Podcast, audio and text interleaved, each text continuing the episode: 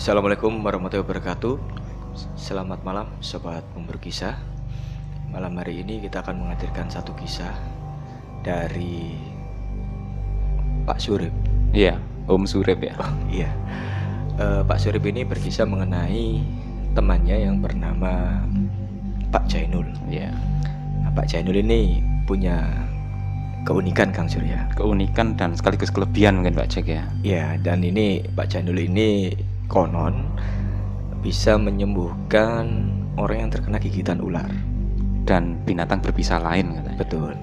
Dan ini Pak Surip ini mau berkisah bagaimana Pak Jainul ini bisa mendapatkan Keistimewaan keistimewaan itu. seperti itu.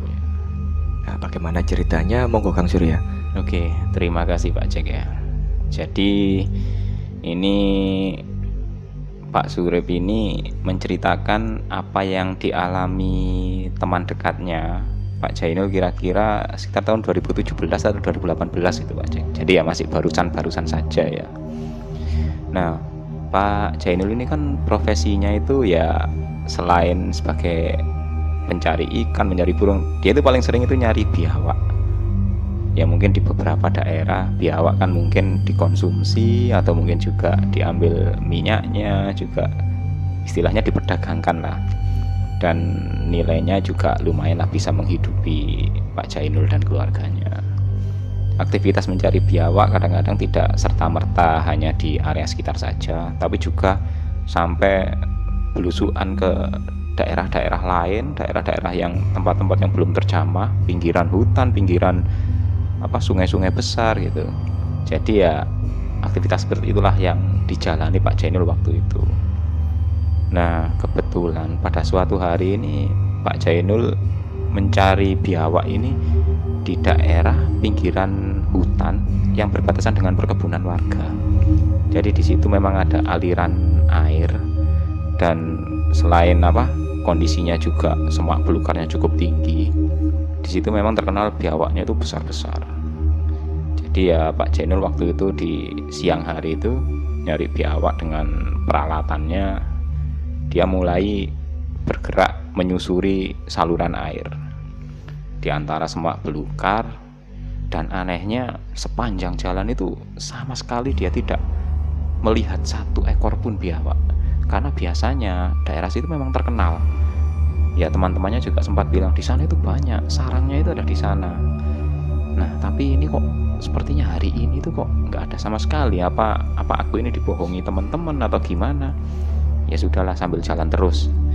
Dia terus berjalan menyusuri semak belukar di tepian sungai sampai akhirnya dia itu tiba. Di, di suatu tempat itu yang cukup teduh dan di situ rimbunan semaknya itu luar biasa sekali. Nah ketika di sana ya niatnya itu beristirahat lah. Wah ini sudah setengah hari kok tidak ada sama sekali ya istirahat dulu lah nyari bekal atau apa gitu. Buka bekalnya sambil merokok. Nah ketika dia lagi bersantai itu tiba-tiba ada suara mendesis. Suara mendesis itu berada dekatnya. Pak Jainul ini kan kaget. Wah ini kok ada suara ular? Dia mencoba mencari. Ternyata tidak jauh dari tempatnya duduk.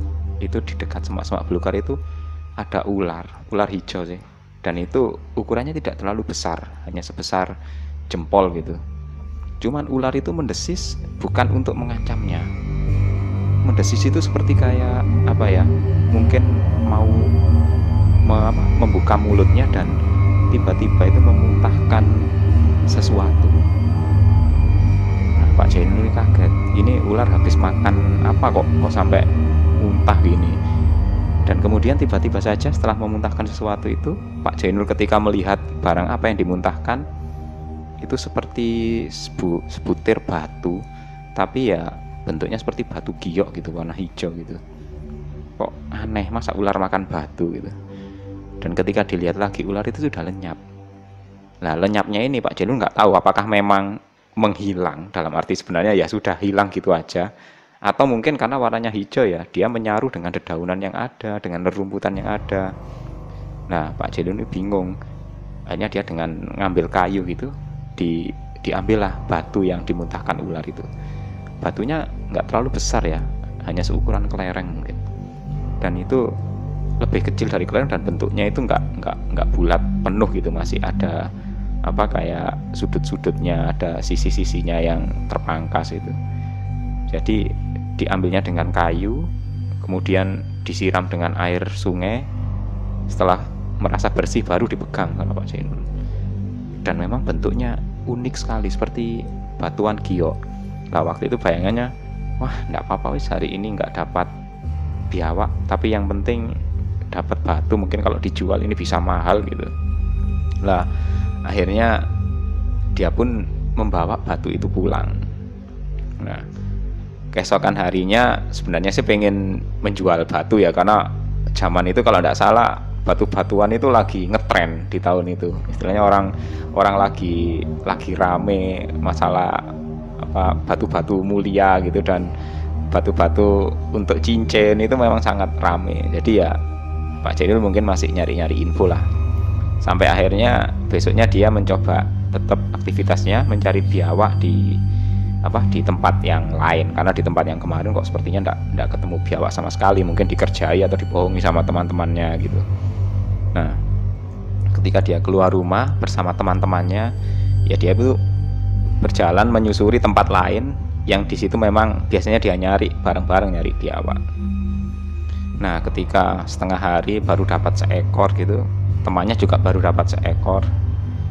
Nah ini teman-temannya berkata dia itu agak kaget gitu bos bos ada apa itu? Kenapa? Ini loh ular ini kok ngikutin kita terus? Kaget Pak Jenol kok ada ular gitu? Dia heran ketika noleh gitu ternyata bener. Di situ ada ular itu ya mungkin ular-ular entah berbisa ya entah tidak. Cuman Pak Jenol waktu itu melihat itu ada ular kok diam saja. Ketika mereka pergi menjauh ular itu berjalan ngikuti mereka. Dan ketika agak mereka berhenti ya ularnya berhenti. Nggak nyerang atau nggak nggak berbuat apa-apa. Jadi kayak hanya mengikuti mereka. Pak Jain juga heran ada apa ini kok? Kemarin ketemu ular hari ini ketemu ular. Ya sudah kita kita balik aja ngambil motor kita pulang aja. Mereka pun pergi bergegas nyari motor. Motornya yang ditaruh di tepian uh, apa semak belukar itu mereka bawa pergi. Ya ular itu ya ya nggak sampai ngejar. Akhirnya nyampe rumah juga heran wah ini dua hari ini ketemu ular terus kok kok aneh gitu. Ketika lagi di rumah terus apa kayak membenahi hasil buruannya buruannya biawak itu tadi. Lah keluarganya Pak Jainul juga sempat teriak-teriak di rumah ini ada ada ular di rumah gitu. Oh, kaget juga ya Pak Jainul. Dia sambil bawa kayu gitu mau untuk pemukul gitu.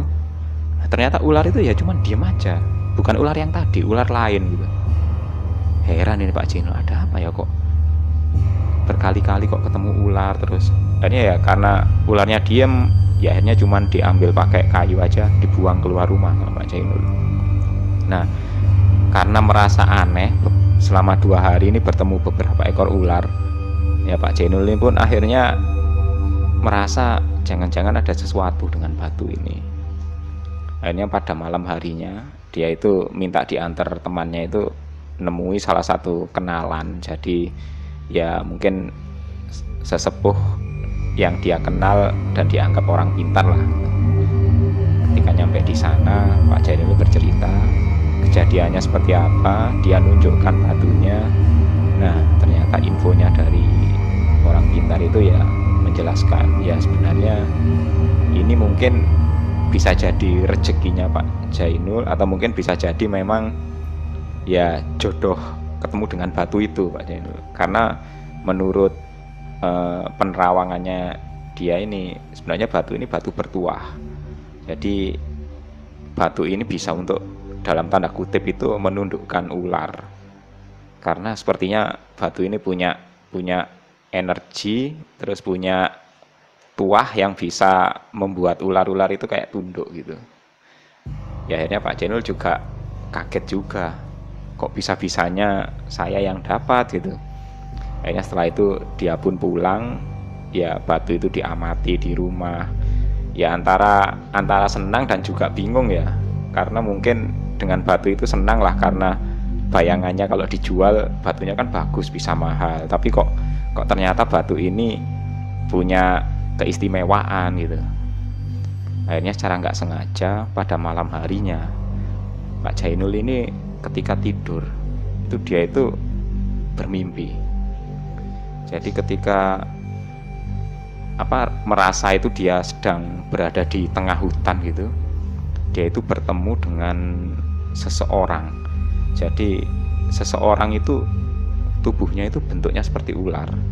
Cuman Pak Jainul waktu itu tidak bercerita apa sosok yang menemui itu laki-laki atau perempuan. Tapi Pak Jainul waktu itu bercerita kepada Pak Surip ini bahwa sosok itu memakai mahkota. Jadi tubuhnya ular tapi sosok itu memakai mahkota. Yang mana di mahkotanya itu ada satu apa ada banyak batu-batu permata yang sama dengan punyanya Pak Jainul. Cuman ada satu di bagian samping itu yang terlepas. Dan sosok itu seolah mengirim mengirim pesan kepada Pak Jainul bahwa batu ini memang lepas dan sengaja dalam tanda kutip itu dititipkan ke dia. Dan juga ada kayak isyarat bahwa Pak Jainul itu kayak punya kewajiban menjaga batu itu dan juga membantu orang-orang yang mungkin apa ya ada masalah dengan ular atau apa gitu.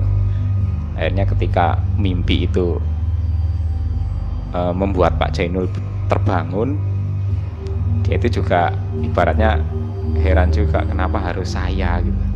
Atau mungkin ini ya tugas saya atau kewajiban saya. Tapi karena memang pada dasarnya Pak Jainul yang suka membantu ya akhirnya ya dia pun mulai mencoba. Jadi dia menyadari bahwa batu itu memang punya keistimewaan.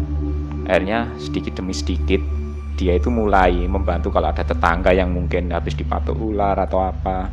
Jadi batu itu cukup cukup apa dipergunakan bisa direndam terus dioleskan atau mungkin apa ditempelkan ke lukanya dan itu bisa membuat orang yang digigit ular itu terbantu. Walaupun ya tetap disarankan setelah itu diminta apa di, dicek lagi kesehatannya.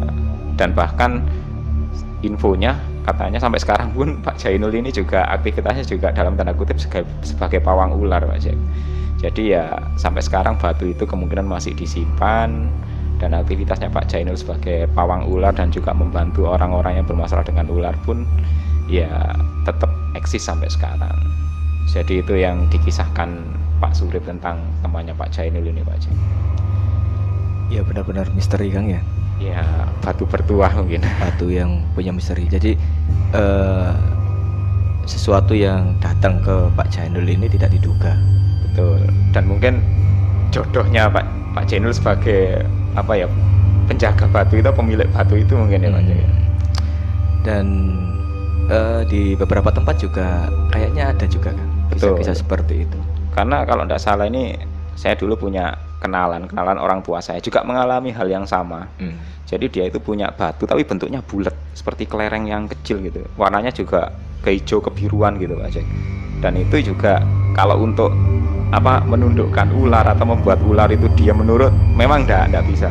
Tapi kalau orang misalkan habis digigit ular atau apa digigit binatang berbisa batu itu cukup ditempelkan ke lukanya. Itu anu apa bisa berubah warnanya. Dan dia dapatkannya waktu itu bukan bukan dari muntahan ular deh ya. Kalau tidak salah dia lagi nyari sesuatu gitu mancing atau apa ada ular itu kok kok seperti melingkar. Dan itu dia mau mau membunuh ular itu sebenarnya kecil. Tapi ular itu katanya kayak ada apa mengeluarkan air mata gitu. Akhirnya kasihan kan ditinggal. Nggak lama kemudian ular itu pergi ternyata dia itu kayak seperti ayam gitu apa? Suaranya itu ya suaranya seperti ayam itu terus di bawahnya itu kayak dikiranya ada telur ternyata ada batu itu. Jadi ya akhirnya disimpanlah batu itu. Sampai sekarang. Kayaknya sampai sekarang tapi ini waktu saya masih kecil dulu Pak Jack. Tahun 90-an ceritanya. Oke sobat. Terima kasih telah mendengarkan kisah hari ini. Jangan lupa untuk like subscribe serta tinggalkan komentar di bawah Jangan lupa ikuti terus kisah-kisah kami selanjutnya. Assalamualaikum warahmatullahi wabarakatuh. Bye bye.